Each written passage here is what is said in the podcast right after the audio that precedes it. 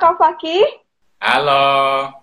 Apa kabar Kang? Waalaikumsalam warahmatullahi wabarakatuh. Apa kabar Kang Faki? Ya, di sini hujan lebat. Oh, tapi sinyal aman Kang di sana? Aman, aman, aman. Aman, aman. Oke. Saya dari Depok Kang. aman sih sekarang belum hujan, tapi nggak tahu sampai nanti. Biasanya juga hujan di sini. Ya. Oke, tapi kabar baik-baik aja Kang? Sehat? Baik, alhamdulillah sehat. Alhamdulillah. Ya, Keluarga juga sehat ya Kang? Cokro, Cakra, Cakra Pod ya. Iya, Cakrapot Cakra Wikara Indonesia. Ini kita sudah mulai bergabung, teman-teman kita semuanya. Jadi selamat datang di Cakrapot Cakra Wikara Indonesia episode 18. Eh, di sini kita akan eh, membahas mengenai kekerasan seksual dari perspektif agama Islam bersama Kang Fakih eh, atau nama lengkapnya adalah Fakih Abdul Qadir eh, selaku founder dari mubadalah.id. Eh, teman-teman semua, perkenalkan saya Afida eh, dari Cakrawikara Indonesia. Pada hari ini kita akan bersama-sama nih berdiskusi tentang gimana sih kekerasan seksual dari perspektif agama Islam. Nah, sudah hadir bersama kita juga Kang Fakih selain menjadi founder dari Mubadalah.id, kita juga mengenal Kang Fakih ini aktif di KUPI ya Kang ya, di Kongres Ulama Perempuan Indonesia. Juga sekarang aktif mengajar sebagai dosen ya Kang ya di IAIN Syekh Nurjati dan juga Institut Studi Islam Fahmina. Nah, Kang Fakih ini juga pernah menempuh uh, studinya S1 di Universitas Damaskus Syria, kemudian S2-nya di International Islamic University Malaysia, dan kemudian melanjutkan studi doktoralnya di Indonesian Consortium for Religious Studies UGM. Oke, ini sudah mulai banyak nih Kang yang bergabung sama kita nih Kang. Mungkin Oke. sudah penasaran nih gimana sih kita melihat kekerasan seksual dari perspektif agama Islam.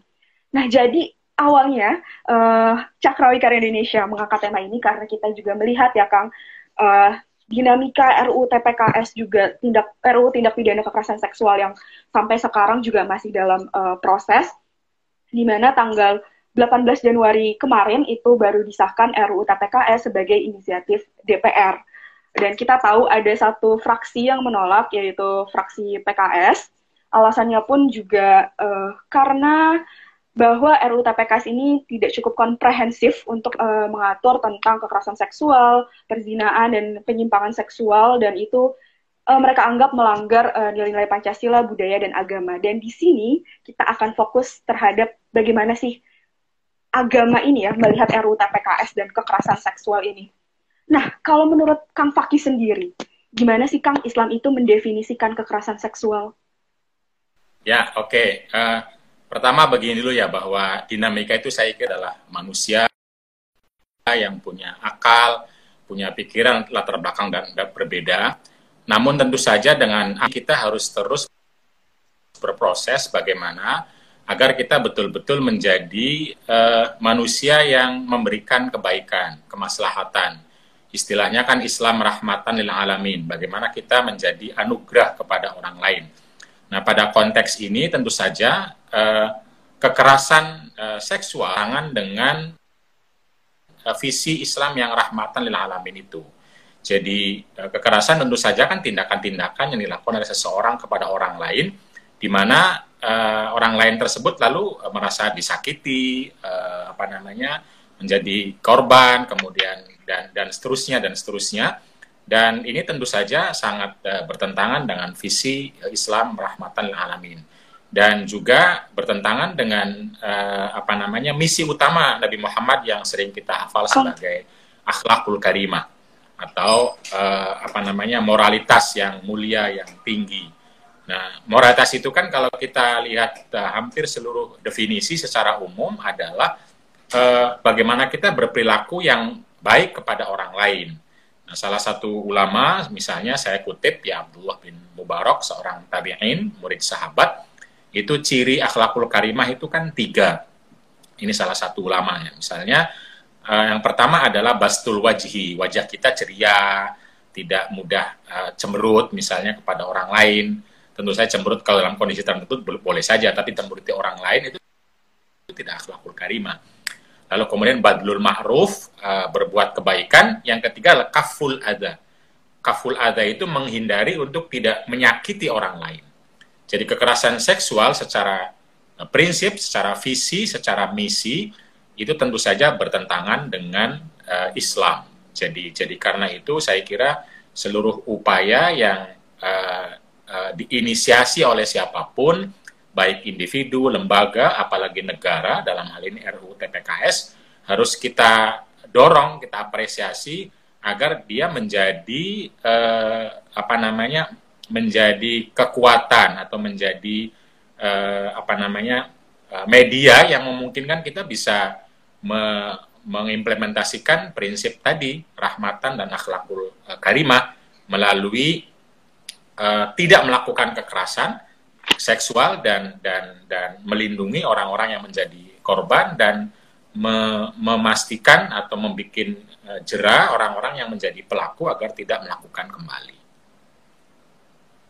Gitu. Oke. Okay.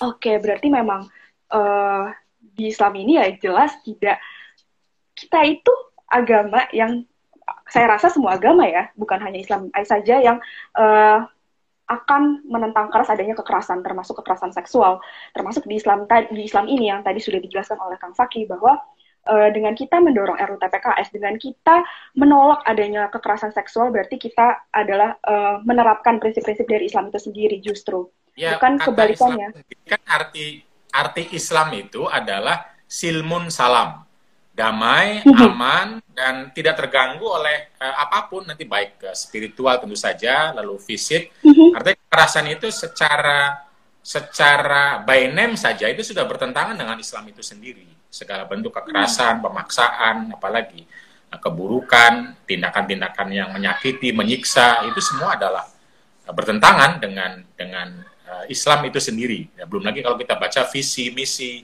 dan berbagai ayat Quran maupun hadis. Ya, saya kira sebagai sebuah uh, kejahatan atau kezaliman, uh, apa namanya kekerasan seksual itu, uh, saya yakin diamini oleh semua umat Islam. Nah, perbedaan itu bukan bukan dalam konteks Eh, apakah kekerasan itu uh, sesuai atau tidak sesuai dengan dengan Islam, tapi cara memandang uh, ini paling begitu. Oke, okay. oke okay, baik Kang Faki, sangat jelas sekali ya tentang gimana sih Islam ini mungkin kemudian melihat tentang kekerasan atau kekerasan seksual ini. Kemudian nih Kang Faki, kalau kita melihat perjalanan RUU TPKS ini kan ada berbagai jenis kekerasan seksual di dalamnya ya. Mungkin awalnya 15, kemudian dipangkas jadi 9, kemudian sekarang uh, mungkin menjadi lima jenis. Nah, jenis kekerasan seksual mungkin yang uh, banyak kita lihat kan mungkin kalau dalam uh, rancangan undang-undang ada pelecehan, kemudian ada uh, pemaksaan kontrasepsi dan lain sebagainya, eksploitasi seksual. Nah, kalau uh, dalam Islam sendiri sebenarnya jenis kekerasan seksual yang dikenal dalam Islam tuh apa aja sih, Kang? Ya, tentu saja jenis kekerasan seksual mengalami perkembangan sesuai dengan konteks peradaban umat manusia. Sama kayak menghormati orang tua, itu kan polanya, modelnya ya berkembang. Kalau dulu menghormati orang tua misalnya cukup dengan memberi kurma, sekarang kan nggak cukup. Jadi jadi jadi kekerasan seksual tentu saja mengalami perkembangan sesuai dengan perkembangan peradaban. Jadi Islam yang diadres awalnya kekerasan saja, kekerasan dalam bentuk apa pun. Jadi kekerasan itu merupakan uh, kemudorotan, keburukan yang semua uh, apa namanya semua tidak setuju ulama itu. Itu salah satu bentuk mafsada istilahnya. Nah bentuk kekerasan itu macam-macam. Salah satunya seksual.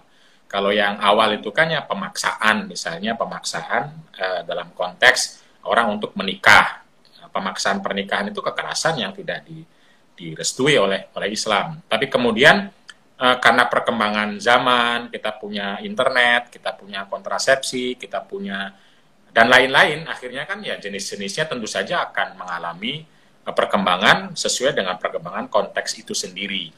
Jadi uh, termasuk dalam pernikahan misalnya itu pemaksaan hubungan intim dalam pernikahan adalah kekerasan dari dari pemaksaannya itu sendiri misalnya. Dan ini uh, sebagai sebuah uh, kesadaran itu tentu uh, mengalami perkembangan gitu loh. Tetapi bahwa prinsip uh, orang harus memberikan kenyamanan kepada orang lain itu ada dalam dalam Islam. Misalnya dalam pernikahan itu kan ada istilah muasyarah bil ma'ruf bahwa suami istri itu harus saling berbuat baik. Nah, memaksa istri misalnya untuk berhubungan intim itu kan tidak bukan bagian dari muasyarah bil ma'ruf. Tetapi dulu eh, orang memandang istri itu milik suami. Sehingga ketika sudah menikah, asumsinya ya eh, terserah suami mau diapakan gitu loh. Nah, ini kan uh, uh, apa namanya cara pandang yang kemudian berkembang bahwa oh tidak dalam Islam itu kan menikah itu bukan hanya suami yang ingin dapat sakinah tetapi bahasa Qurannya kan uh, apa namanya bainakum di antara laki dan perempuan di antara suami dan istri.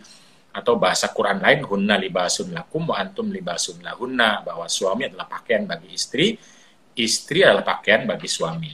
Cuma dulu belum terumuskan bahwa memaksa hubungan intim itu melanggar prinsip-prinsip Al-Quran ini, belum terumuskan secara jelas.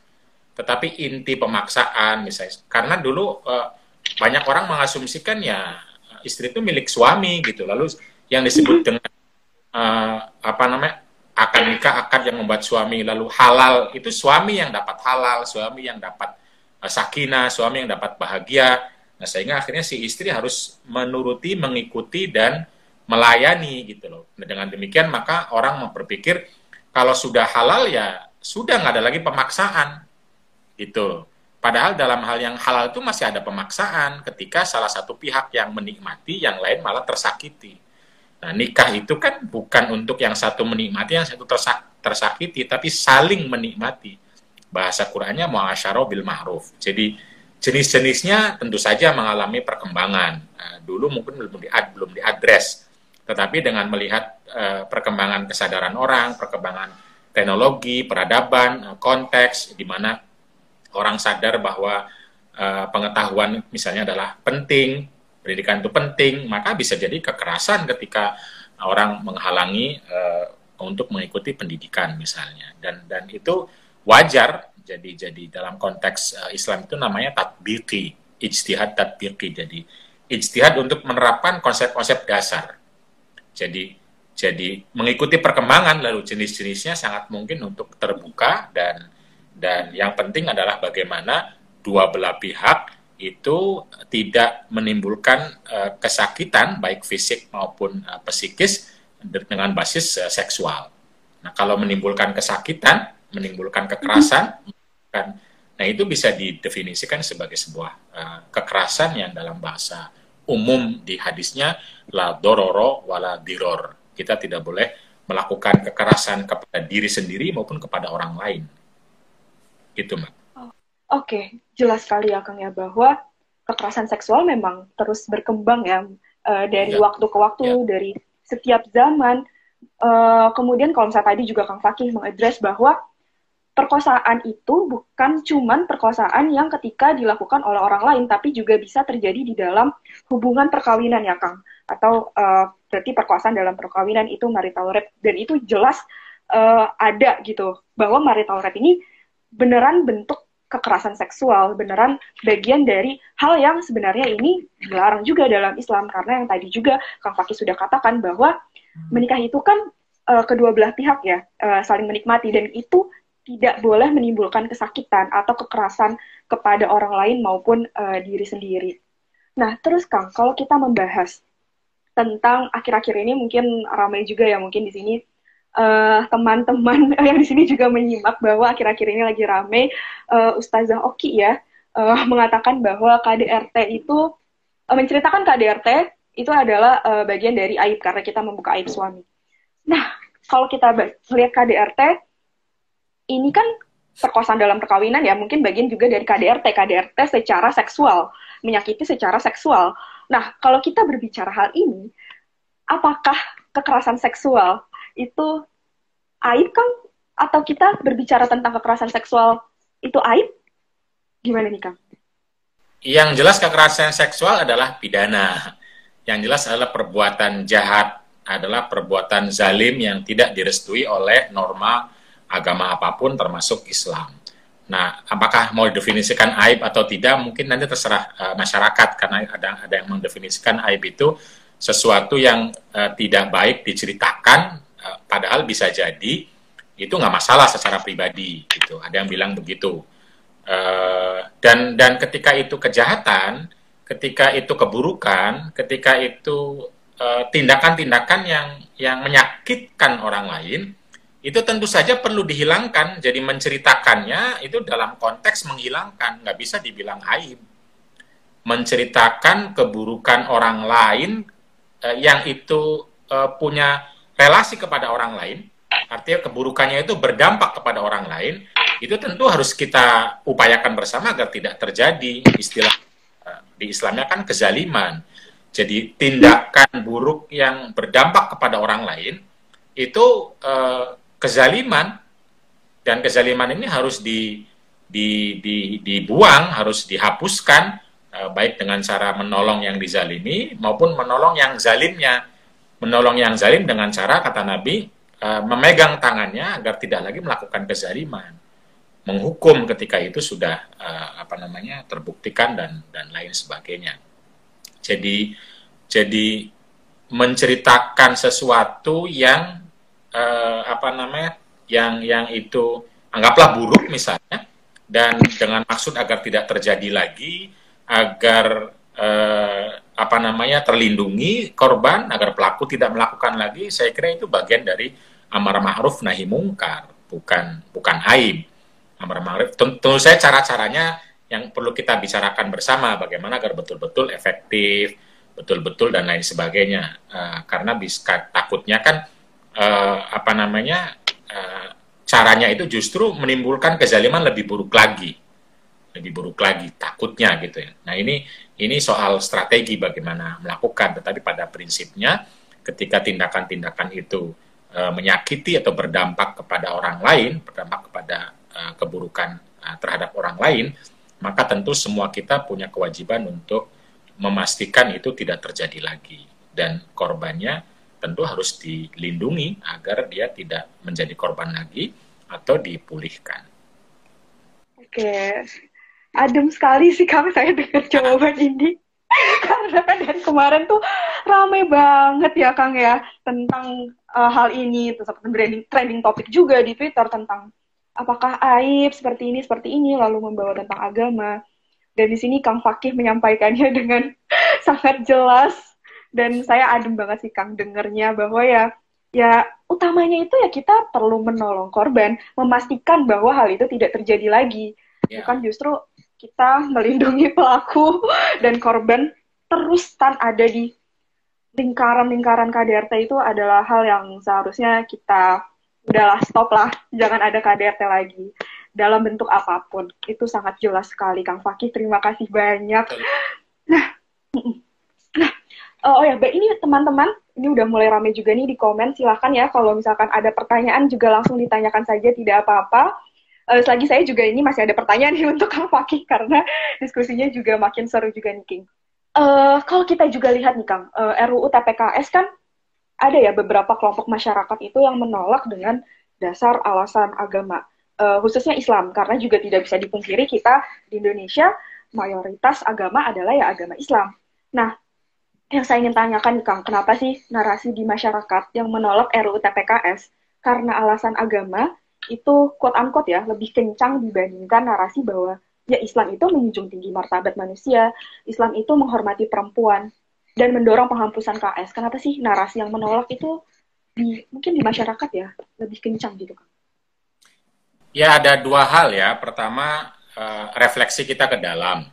Yang kedua tentu saja uh, konteks kondisi dan apa namanya kesadaran uh, masyarakat secara umum dalam hal ini adalah uh, rakyat pada umumnya atau manusia pada umumnya. Kalau ke dalam kan uh, bisa jadi komunikasi publik, komunikasi uh, psikologis kita itu tidak menyentuh kesadaran uh, masyarakat secara umum. Misalnya soal uh, apa namanya RUTPKS-nya soal hak individu, hak uh, tubuh dan lain sebagainya yang itu dalam kesadaran masyarakat uh, lebih banyak uh, soal Eh, keluarga, lebih banyak soal hak ke masyarakat, uh, bagaimana saling tolong menolong dan lain sebagainya. Uh, soal apa namanya, bagaimana martabat keluarga akan hancur atau tidak gitu loh. Itu yang yang menjadi kesadaran kebanyakan orang. Nah, dalam konteks ini eh, teman-teman yang menolak itu kan menggunakan logika-logika itu yang tentu saja ini adalah logika dasar dalam Islam juga untuk menjaga keluarga, menjaga masyarakat gitu.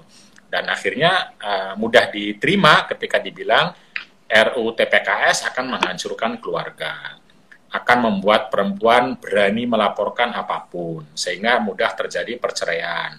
Lalu anak kalau sudah cer, uh, bercerai uh, apa namanya porak-poranda, tidak bisa terdidik. Nah, ini hal-hal yang mudah menyentuh uh, apa namanya masyarakat secara umum dan karena itu penerimaannya lebih lebih baik. Nah, sementara uh, komunikasi kita itu kebanyakan soal hak individu. Kita berhak loh untuk terbebas dari kekerasan. Kita berhak sebagai perempuan dan hak individu ini uh, belum menjadi kesadaran secara umum di di kita.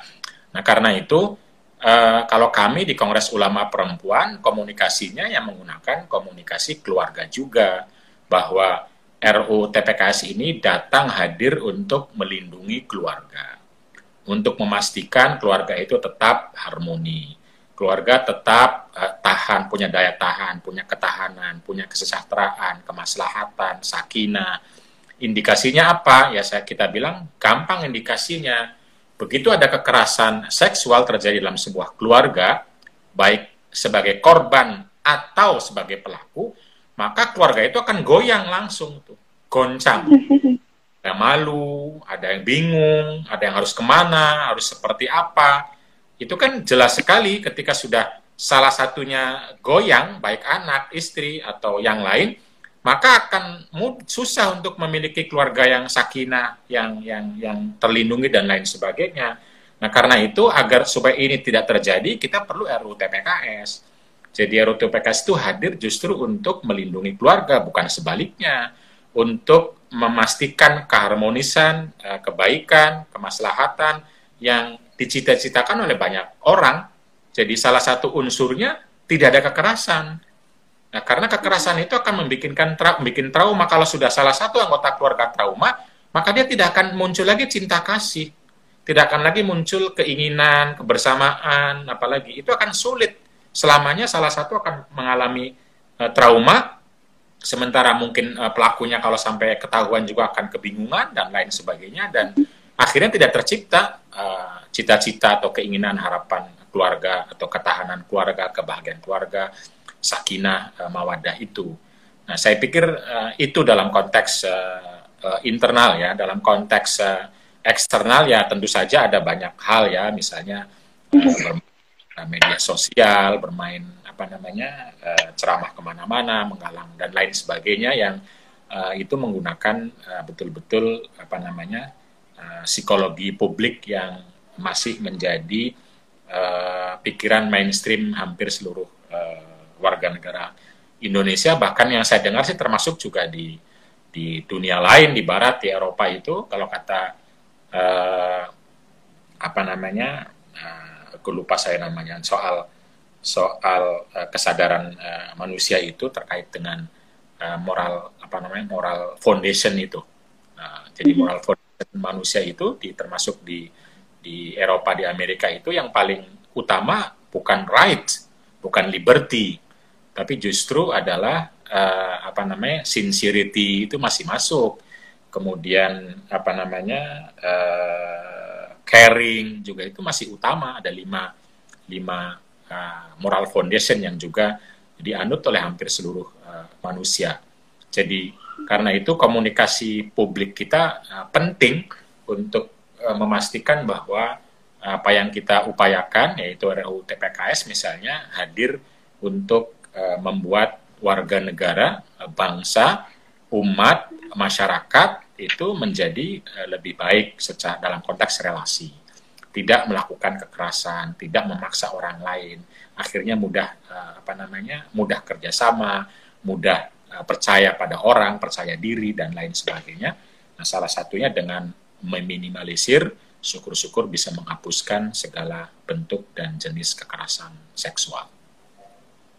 Oke, iya sih bener banget sih kan kalau kita bicara tentang kekerasan seksual ini dari perspektif agama akan dibutuhkan semacam cara penyampaian yang bisa diterima publik uh, lebih mudah kali ya. Karena juga uh, agama ini kan isu agama ini mungkin sensitif juga ya kalau misalkan uh, di Indonesia membahas tentang apalagi kekerasan seksual perlu dibutuhkan uh, semacam keterampilan komunikasi atau gaya bagaimana cara penyampaian yang benar agar lebih mudah diterima masyarakat juga untuk uh, memahami sebenarnya kalau kekerasan seksual ini tidak boleh dan RUU TPKS itu bukan uh, justru adalah kemudian kita uh, merusak ketahanan keluarga. Ya. Balik lagi di Kang, ketahanan keluarga. Padahal kan ketahanan keluarga itu ya harusnya ketika satu sama lain itu tidak melakukan kekerasan ya Kang ya. ya. Satu ya. sama lain justru saling melindungi. Iya, kalau ada salah satu hmm. pelaku atau atau satu korban itu sudah tidak bisa lagi disebut ketahanan keluarga. Keluarga sudah ya. mudah untuk rapuh, mudah untuk hancur, mudah untuk uh, itu sudah kekerasan seksual adalah basis karena basisnya kan bagaimana orang saling uh, apa namanya memahami, saling uh, mengenal perasaan orang lain, uh, berhati-hati dalam bertindak, berkata sehingga tidak menyakiti dan tidak tidak uh, mudah uh, apa namanya melakukan kekerasan tentu saja dan RUU TPKS ini kan media untuk itu untuk kita mengarah ke ke situ. Ya, betul. Setuju banget sih Kang. Aku sepakat banget sih dengan uh, hal ini. Uh, ternyata memang kalau di masyarakat kita ya, kok berarti narasi yang perlu dibentuk, eh dibentuk ya narasi bersama, narasi komunal ya, bukan yang individual satu-satu. Kita mungkin masih benar-benar yang uh, satu ini, masih kelompok gitu loh melihatnya. Adalah keluarga berarti. Ah, terus nih Kang, kalau kita membahas kekerasan seksual juga nih Kang, dan RUU TPKS juga ya, ini kan suka dikaitkan dengan perzinahan nih kan. Nah, sebenarnya kekerasan dengan seksual apa? dan perzinahan. Oke. Okay. Perzinahan. Yeah. Nah, kekerasan seksual dan perzinahan itu sebenarnya itu tuh gimana sih Kang Islam melihatnya ada apakah kedua hal itu berkaitan atau atau justru ya beda? Ya kekerasan seksual sama perzinahan itu bisa ketemu bisa tidak.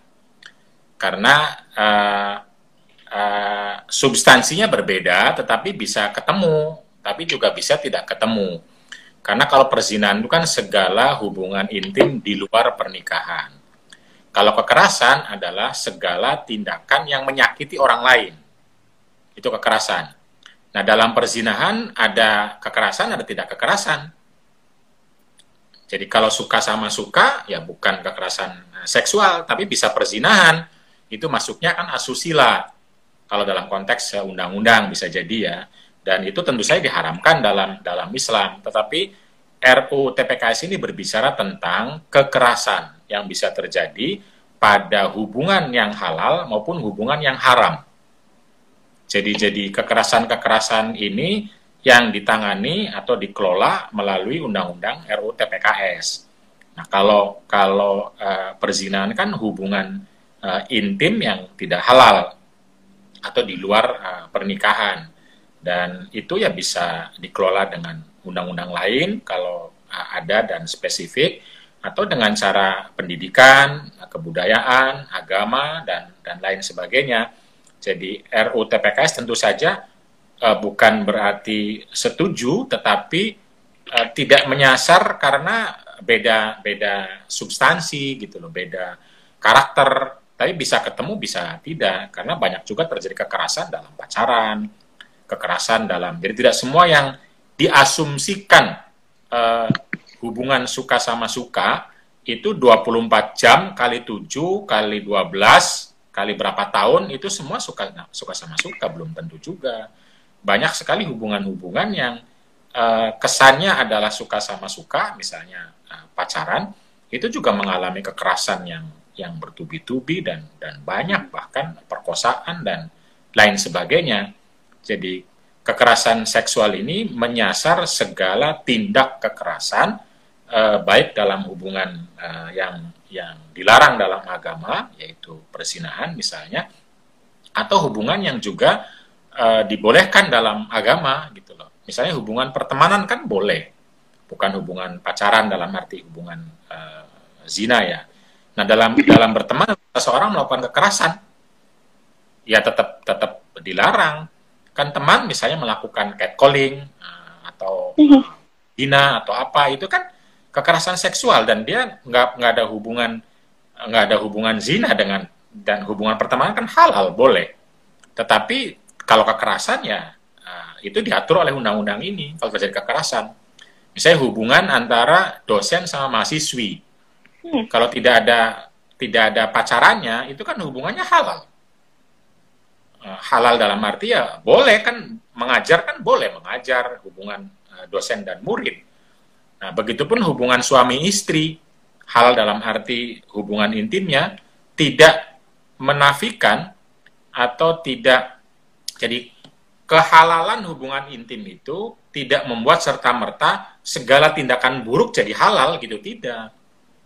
Jadi jadi dalam Islam tetap tetap ada halalan, ada toyiban, ada ma'rufan.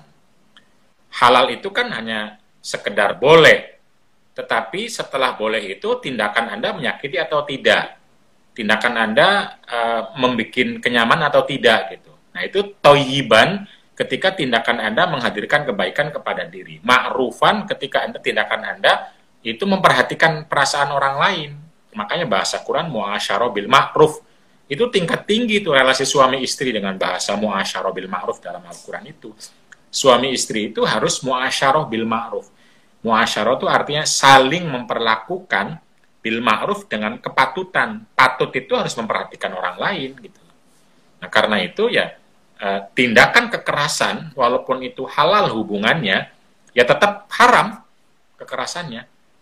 Walaupun eh, hubungannya halal yaitu suami istri atau relasinya halal guru murid gitu loh. Jadi guru sama murid e, boleh mengajar, tetapi tidak boleh melakukan kekerasan gitu loh. Menipu misalnya dengan asumsi dia lebih tahu, dia lebih paham, melindungi, tapi pada akhirnya bukan melindungi tapi mempecundangi misalnya. Nah itu kan yang yang yang yang disasar oleh eh, RU eh, TPKS. Jadi kekerasan seksual tentu saja eh, berbeda Uh, substansinya dengan uh, perzinahan. Tapi mungkin ketemu karena banyak sekali relasi relasi uh, hubungan intim yang uh, dilarang dalam Islam tapi terjadi kekerasan dan banyak. Nah, begitupun relasi yang yang dihalalkan juga sangat mungkin terjadi uh, kekerasan karena manusia ini ya uh, punya sifat baik, punya sifat buruk akan akan dengan kebaikannya akan didorong untuk berbuat baik dengan sifat buruknya akan berpikir juga melakukan keburukan-keburukan kepada orang lain. Nah, karena itu perlu dikontrol agar supaya dia daya amar ma'rufnya, daya dorong berbuat baiknya tinggi, dan agar daya eh, tahan untuk tidak berbuat buruknya juga tinggi, nahi mungkar, salah satu pendorongnya adalah RUU TPKS. Kekerasan seksual ini berbeda dengan perzinahan, yang mana berarti berarti nih Kang, kalau misalkan kita melihat RUU TPKS, ya RUU TPKS sekarang draft yang terakhir ya dengan tidak memasukkan, dengan tidak mencampur adukan kekerasan seksual dengan perzinahan ya berarti adalah langkah yang tepat. Benar ya Kang ya, berarti hal itu? Ya benar. Jadi jadi jadi ke, karena kekerasan seksual itu kan soal pelaku dan korban. Betul, setuju. Kalau perzinahan itu sangat mungkin pelaku dan pelaku gitu loh. Artinya dua-duanya mau gitu loh itu pelaku dan pelaku yang nggak bisa didefinisikan dengan kekerasan nggak ya. bisa jadi kalau definisi Tuh. kekerasan kan yang satu pelaku yang satu korban nah kalau persinahan ya. itu sangat mungkin pelaku dan pelaku kalau tidak ada kekerasannya gitu nah kalau pelaku sama pelaku ya. yang nggak bisa didefinisikan pakai pakai RUU TPKS kekerasan seksual itu nggak bisa karena ya dia mau sama mau kalau mau sama mau itu uh, tindakannya kan asusila dan dan dan dan dosa dan uh, pakai pakai ukuran lain gitu loh. Karena kan ukurannya adalah bagaimana yang menyakiti, yang uh, merusak gitu loh, yang uh, dan dan lain sebagainya. Jadi ukurannya bukan ya. bukan uh, apa namanya bukan uh, dalam konteks re relasi hal atau haram gitu, hubungan hal atau haram gitu. Jadi ya. keharamannya pada kekerasannya, bukan pada relasinya gitu, bukan kepada hubungannya gitu. Oke. Okay. Uh, bener sih Kang, karena kalau misalkan kekerasan TPK, TPKS ini salah ya anggaplah ada salah satu kebijakan atau undang-undang yang mengatur kekerasan seksual dan perzinahan sekaligus yang itu justru bisa berpotensi mengkriminalisasi korban karena ketika ada kekerasan seksual kemudian mungkin tidak terbukti bahwa itu adalah kekerasan seksual korban justru bisa dikriminalisasi menjadi pelaku karena sudah dianggap melakukan perzinahan dan ini justru uh, makin membuat masyarakat ya mempertanyakan uh, kepada undang-undang itu apakah benar-benar bisa melindungi korban kalau misalkan RUU TPKS ini mencampur adukan kekerasan seksual dengan perzinahan karena ya tidak jelas nanti batasnya siapa korban siapa pelaku. Saya setuju sekali.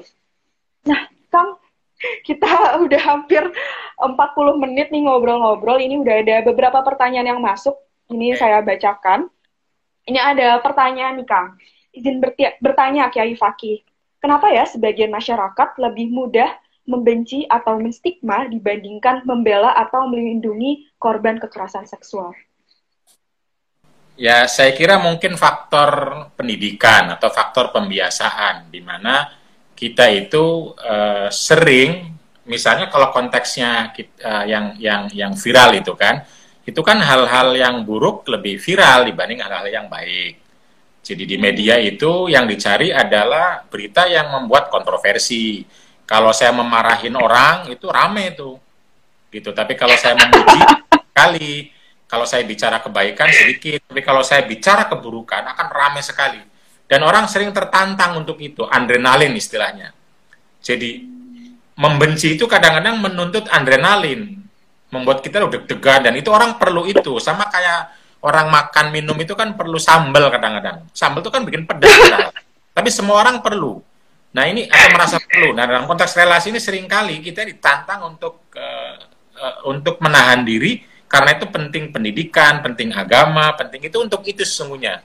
Nah kalau agama akhirnya digunakan untuk membenci ya itu salah orang yang menggunakan agamanya karena agama itu hadir justru untuk membuat orang yang jadi cinta kasih, mudah memberi, mudah senyum, tapi kalau pakai agama isi yang justru membenci, maka artinya nggak ada gunanya agama itu. Dia akan menjadi uh, manusia yang yang tadi uh, menggunakan uh, struktur atau potensi buruknya terus terus menjadi uh, buruk. Jadi jadi itu adalah uh, struktur manusia kita secara umum di mana kalau kata Al-Qur'an falahamaha fujuroha wa taqwa.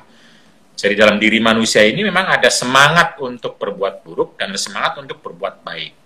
Nah, kita ingat Allah, kita beribadah, kita berzikir, itu tujuannya agar kita yang diingat adalah kebaikan, yang dilakukan adalah kebaikan, yang dianjurkan adalah kebaikan, rahmatan lil alamin dan akhlakul karimah. Sebagian besar orang memang uh, ya wataknya begitu. Media sosial kita tahu media sosial. Nggak usah bicara agama lah media sosial juga kan begitu. Bahkan orang pengen ya untuk kontroversi bunuh diri kadang-kadang. Hanya untuk kontroversi dia rekam dirinya gitu. Nah itu itu sisi-sisi uh, buruk ke manusia yang kadang-kadang menciptakan adrenalin dan uh, banyak orang lalu uh, suka dengan itu karena ada banyak faktor. Faktor di dalamnya, faktor di luarnya, adrenalin dan lain sebagainya.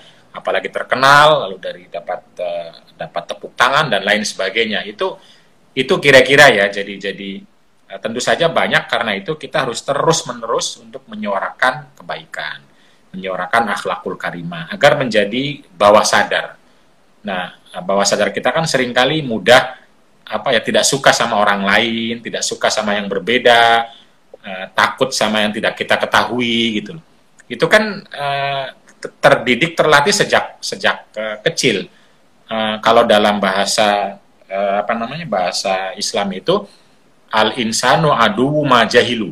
Jadi orang orang itu akan membenci, akan memusuhi sesuatu yang dia tidak ketahui. Jadi kadang-kadang karena tidak tahu RUU TPKS itu apa, lalu dia dapat uh, apa berita-berita bahwa ini akan menyebabkan perzinahan, seks bebas, padahal dia nggak tahu. Nah itu akan mudah, mudah uh, bikin hoax dan dan lain sebagainya. Nah, karena itu penting kita mengubah uh, pengetahuan atau informasi-informasi menjadi betul-betul pengetahuan yang wisdom, pengetahuan yang bijaksana. Jadi informasi kan banyak nih. di dari berbagai macam ya, dari ceramah orang, dari media, dari internet, dari buku, banyak sekali. Nah, pertanyaannya bagaimana kita serap?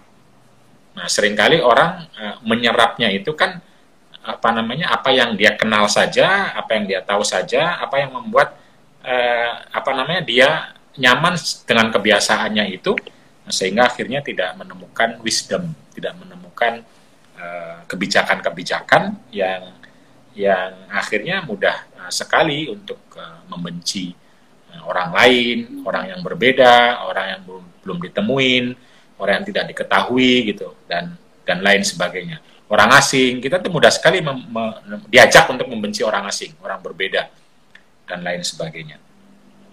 Oke, oke Kang. Terima kasih untuk jawabannya. Ya sebenarnya ya kalau dalam agama Islam ya membenci itu jelas hal yang salah ya Kang ya salah ya. total. Karena Islam ya mengajarkan cinta kasih sebenarnya. Yang ini mungkin perlu kita juga sama-sama belajar ya Kang ya bahwa untuk uh, terus uh, membela melindungi korban kekerasan seksual tidak justru kita membenci atau menstigma. Kemudian Kang, ini ada pertanyaan lagi nih Kang, udah mulai ramai nih Kang yang nanya nih Kang uh, selain dosa, apa yang diberikan agama Islam di Indonesia untuk menjaga umatnya dari kekerasan atau pelecehan seksual? Ya kontrol, harusnya ada kontrol. Kalau dosa itu kan kontrol individual ya, kalau orangnya merasakan. Hmm. Kalau tidak, nah perlu kontrol sosial. Kontrol sosial itu melalui keluarga, lalu melalui komunitas. Tentu komunitas memerlukan tokoh, elit, Nah, ketika itu juga berkurang kontrol-kontrol itu, maka perlu negara. Nah, kontrol negara itu melalui undang-undang, melalui aturan-aturan gitu loh. Karena banyak sekali orang itu tidak uh, akan berbuat baik atau bermoral kalau tidak dipaksa oleh negara. Nah, karena itu dalam konteks ini uh, negara menjaga hal-hal yang bersifat publik. Nah, kalau moral-moral yang sifatnya individu kan uh, susah, tapi kalau yang bersifat uh, publik yang yang mengancam kehidupan uh, bersama itu yang justru harus betul-betul uh, dikontrol oleh oleh negara. Jadi dosa itu adalah dorongan internal agar seseorang menjauhi segala keburukan dan melakukan uh, kebaikan. Tapi kadang dorongan internal tidak berfungsi, tidak berjalan. Nah, karena itu penting ada dorongan eksternal dorongan eksternalnya ya melalui keluarga, melalui masyarakat, melalui tenusan negara, reward and punishment itu juga itu juga salah satu kontrol agar kita semua terus uh, berbuat uh, baik dan meninggalkan perbuatan buruk. Oke, okay. oke okay, kang. Jadi ya kalau kita lihat kekerasan seksual ini mungkin kalau dosa itu mungkin dari apa yang kemudian punishment ya jatuhnya ya Kang ya. Uh, ketika kita melakukan kekerasan seksual, kemudian juga kita melihat bahwa ya kekerasan seksual, kalau kita membahas kekerasan seksual ada kita itu bermasyarakat, kita ini hidup gak cuma sendiri.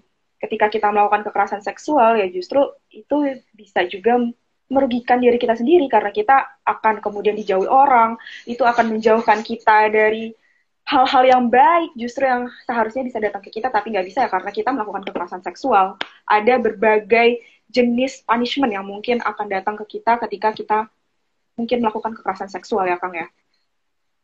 Nah, terus nih Kang, ada lagi pertanyaannya. Uh, Kang, boleh tolong nggak ya dibahas tentang kasus pemaksaan pernikahan yang pernah ada di pesantren? Pemaksaan pernikahan Kang. Kalau kita bahas pemaksaan pernikahan, pemaksaan perkawinan. Ini tuh gimana sih Kang? Jika kita kaitkan juga ya dengan kekerasan seksual karena uh, pemaksaan balik lagi kekerasan adalah pemaksaan, pemaksaan perkawinan. Dan ini di pesantren. Ini tuh gimana sih Kang? Ya pemaksaan itu kan terjadi di mana pun, tidak hanya di pesantren.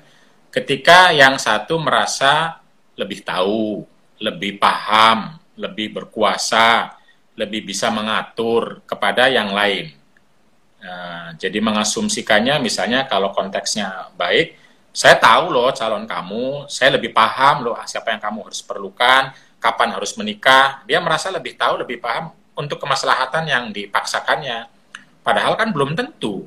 belum tentu betul-betul tahu kadang-kadang. Ini kalau konteksnya baik, ada juga pemaksaan yang buruk untuk kepentingan dirinya, mau dapat uang dari calon menantunya, itu itu buruk kalau itu ya. Tapi baik sekalipun kan asumsinya uh, relasinya yang satu lebih tahu, merasa paling tahu, yang lain pasti tidak tahu gitu loh. Pasti uh, tidak bijak, pasti jadi itu, itu bisa terjadi di mana pun.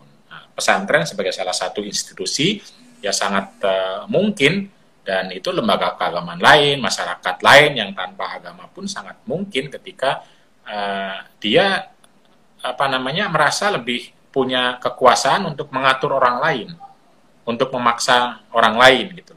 Jadi kelompok-kelompok yang satu ada pimpinannya, lebih pimpinannya berkuasa penuh itu sangat mungkin untuk memaksa uh, muridnya untuk menikah baik dengan dirinya maupun dengan yang lain. Jadi konteksnya saya kira lebih kepada uh, budaya bagaimana orang menghormati perasaan orang lain, pilihan orang lain, apalagi uh, ya keinginan-keinginan orang lain termasuk dalam hal ini menikah. Nah, kalau ini sudah tidak dihormati, ya terjadilah pemaksaan-pemaksaan itu. Tapi juga kita harus tahu bahwa dalam konteks uh, pesantren atau komunitas-komunitas tertentu tidak hanya pesantrennya, apa yang kita asumsikan sebagai pemaksaan kadang-kadang juga belum tentu pemaksaan. Misalnya perjodohan itu kan bukan pemaksaan atau tidak semua perjodohan pemaksaan. Perjodohan kan mempertemukan. Memang uh, uh, berbeda dengan budaya uh, barat yang atau berbudaya budaya kota yang harus kenal dulu lama, harus pacaran dulu lama gitu loh. Beberapa pihak saling memperkenalkan karena sudah lama misalnya perempuannya mencari-cari atau laki-lakinya mencari-cari lalu dipertemukan. Dipertemukan lalu eh, lalu orang menganggapnya pemaksaan karena tidak ada uh, pacaran lebih dahulu. Misalnya orang tertentu ya padahal tidak tidak terjadi uh, pemaksaannya. Tapi juga tentu ada ada saya tahu ada di pesantren di komunitas di desa yang yang bukan pesantren juga ada. Ada ketika orang tua merasa paling berkuasa terka- terhadap anaknya, terutama anak uh, perempuan. Laki-laki juga ada yang dipaksakan, banyak. Uh, karena asumsinya laki-laki ini harus nikah, kalau nggak nikah nanti apa namanya akan nakal, akan ke mana-mana, nggak bisa balik ke rumah, akan pergi ke mana-mana. Dia dipaksakan sama orang tua untuk menikah ada juga. Itu pemaksaan. Jadi jadi terjadi itu terjadi. Jadi uh, kalau pertanyaannya kenapa ya saya kira karena budaya untuk menghormati perasaan dan pilihan orang lain itu rendah dan menganggap dirinya lebih tahu, lebih pintar, lebih bijak dan menguasai sehingga segala keinginan keputusannya harus uh, diikuti baik oleh anak atau oleh istri atau oleh suami maupun oleh anggota keluarga atau komunitas uh, yang lain. Jadi karena itu lalu ya hormati pilihan orang, dengarkan perasaan orang, agar supaya kita juga uh, didengarkan, agar kita juga dihormati oleh oleh uh, oleh orang lain. Jadi pemaksaan perkawinan yang nggak cuma terjadi di pesantren ya Kang, di masyarakat umum juga kita iya. masih ada ya, masih suka menemukan ah. sih sebenarnya pemaksaan perkawinan ini. Uh, kalau kita ngebahas tentang pemaksaan perkawinan ya benar sih Kang, ada relasi kuasa yang timpang ya, ada yang merasa dia lebih berhak untuk mengatur mungkin merasa lebih tahu kemudian memaksakan kepada yang dianggapnya mungkin relasinya uh, di bawahnya dia.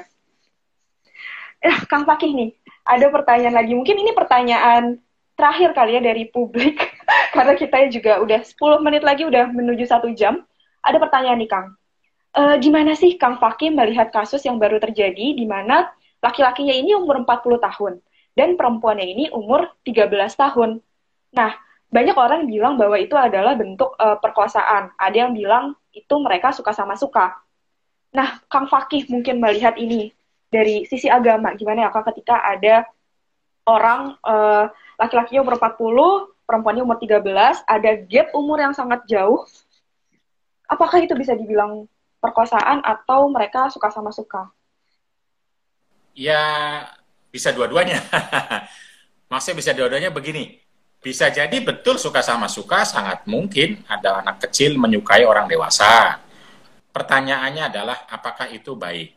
Apakah itu etis ketika etis dalam arti kan nanti kita punya norma-norma yang lain. Oh, Oke, mungkin ini Kang Faki ada kendala jaringan ya. Sebentar ya, saya coba hubungi Kang Faki. Maaf ya teman-teman ya, kita coba hubungi lagi Kang Faki. Semoga bisa uh, bergabung kembali bersama kita. Tadi uh, sempat pertanyaan pertanyaan yang terakhir tuh melihat bagaimana kemudian uh, ada laki-laki umur 40 tahun dengan perempuan umur uh, 13 tahun itu gapnya sangat jauh ya umurnya dan apakah itu termasuk perkosaan atau bisa dibilang mereka pacaran suka sama suka ini kita coba lagi uh, hubungi kembali Kang Faki uh, semoga aman ya teman-teman ya. Bisa bergabung kembali di sini. Nah kalau kita simak ya uh, diskusi kita pada hari ini tentang kekerasan seksual dari perspektif agama tadi Kang Faki juga sudah jelas ya uh, bahwa kekerasan seksual itu adalah hal yang dilarang oleh agama, khususnya agama Islam ya. Karena ya sebagai agama justru kita harus uh, saling memberikan cinta kasih, saling mengasihi satu sama lain, menyayangi satu sama lain, bukan justru melanggengkan bentuk kekerasan. Kemudian uh, kita jika melihat kekerasan seksual jika disamakan dengan perzinahan, apakah benar? Apakah kekerasan seksual itu bisa kita sandingkan dengan perzinahan dalam undang-undang. Ini enggak, karena tadi juga Kang Faki uh, sudah sempat uh, menjelaskan bahwa uh, bahwa kalau perzinahan ini tidak jelas pelakunya siapa, korbannya siapa, justru kayak pelaku dan pelaku. Sedangkan kekerasan seksual jelas adalah korban dengan pelaku. Ya, selamat datang okay. kembali Kang Faki. Ini langsung aja karena takut waktu yeah. nggak cukup ya. Jadi uh, relasi yang tadi itu kan uh, usianya kan usia anak, 13 tahun itu kan usia anak. Jangankan masalah pernikahan dalam Islam itu, masalah jual beli aja, anak itu nggak bisa langsung disahkan jual belinya. Dia menunggu dewasa gitu loh jual beli yang hal-hal yang sangat uh, krusial ya. Kalau cuma beli permen mungkin boleh. Nah itu kan artinya adalah bahwa uh, pernyataan suka suka sama sukanya anak itu belum tentu bisa dipertimbangkan belum tentu gitu karena itu karena dia usia dalam usia yang tidak bisa uh, dianggap mandiri untuk membuat keputusan. Keputusan di usia anak itu. Jadi keputusan keputusannya belum bisa dianggap sebagai orang yang uh, mandiri. Nah karena itu lalu sangat mungkin uh, dimanipulasi oleh orang dewasa yaitu orang yang 40 tahunnya itu. Nah sehingga relasinya itu tidak tidak tidak bisa dianggap sebagai etis dalam logika publik dalam uh, kesadaran atau kebaikan bersama. Jadi demi menjaga nantinya akan banyak anak-anak yang mudah dimanipulasi oleh orang-orang dewasa. Nah, karena itu itu tidak tidak boleh, tidak boleh, tidak boleh artinya kekerasan gitu loh. Tetapi apakah mungkin terjadi suka? Mungkin, kalau terjadi mungkin saja. Tetapi secara moral, secara legal, secara hukum, itu uh, tidak bisa uh, dan dan tidak dianggap mandiri karena akan memungkinkan terjadinya manipulasi-manipulasi yang tidak diinginkan dan akan jadi keburukan-keburukan yang lebih besar. Ya, benar sih Kang. Uh, umur 13 tahun itu ya benar masih usia anak ya. Karena kita juga mengatur di Indonesia ya undang-undang uh, perlindungan anak bahwa anak itu ya sampai umur 18 tahun. Umur 13 tahun itu masih anak banget dan uh, emang rentan sih untuk uh, kemudian mendapat manipulasi dari yang umurnya jauh di atas dia, apalagi ini 40 tahun. Sepakat, Kang. Relasinya sampai ke hubungan intim, sampai hamil, kan akan bermasalah sekali untuk usia 30 tahun. Hmm. Bermasalah sekali. Dia tidak akan punya hak pendidikan, hak bermain, hak sebaya, lingkungan, dan lain sebagainya. Itu kan manipulasi tingkat tinggi gitu loh. Dia akan ya. akan mengurusi sesuatu yang belum waktunya untuk dia urusin. Ya, oke, okay. baik. Oke, ini kita mungkin ini pertanyaan terakhir nih Kang dari saya untuk menutup diskusi pada hari ini karena kita juga udah mau satu jam. Terakhir Kang dari saya nih Kang, sebagai umat Islam nih Kang, sikap seperti apa sih yang seharusnya kita lakukan untuk menyikapi kehadiran RUU TPKS ini Kang? Ya, sebagai bagian dari amar ma'ruf nahi mungkar, atau uh, daya dorong kita untuk terus berbuat baik, daya tahan kita agar tidak melakukan keburukan, maka tentu saja uh, kita harus uh, mendukung dan memastikan bagaimana undang-undang uh, ini disahkan lalu dipraktekkan secara nyata oleh birokrat, oleh aparat untuk melindungi segenap warga negara kita semua, laki-laki terutama perempuan, apalagi anak-anak dari segala tindak kekerasan seksual. Jadi itu salah satu apa namanya alat bagi kita, alat kontrol dan alat uh, apa namanya sosial yang memungkinkan uh, kita semua bersama-sama bisa melindungi korban dan bisa memastikan uh, pelaku uh, itu uh, tidak lagi berbuat kalau dan dan dan dia tidak punya ruang untuk uh, terus berbuat sehingga kita memiliki uh, keluarga yang lebih baik, masyarakat yang lebih baik dan tentu saja uh, segenap uh, bangsa yang akhirnya terbebas dari segala jenis kekerasan uh, seksual. Dan itu adalah bagian dari, ya, kalau menurut saya itu bagian dari uh, visi rahmatan lil alamin, anugerah bagi seluruh uh, semesta, terutama bangsa dan uh, perempuan dan anak terutama tentu saja, dan bagian dari implementasi dari akhlakul karimah. Oke, okay. oke. Okay. Terima kasih banyak Kang Faki. Adem banget ya kita sore ini teman-teman di sini.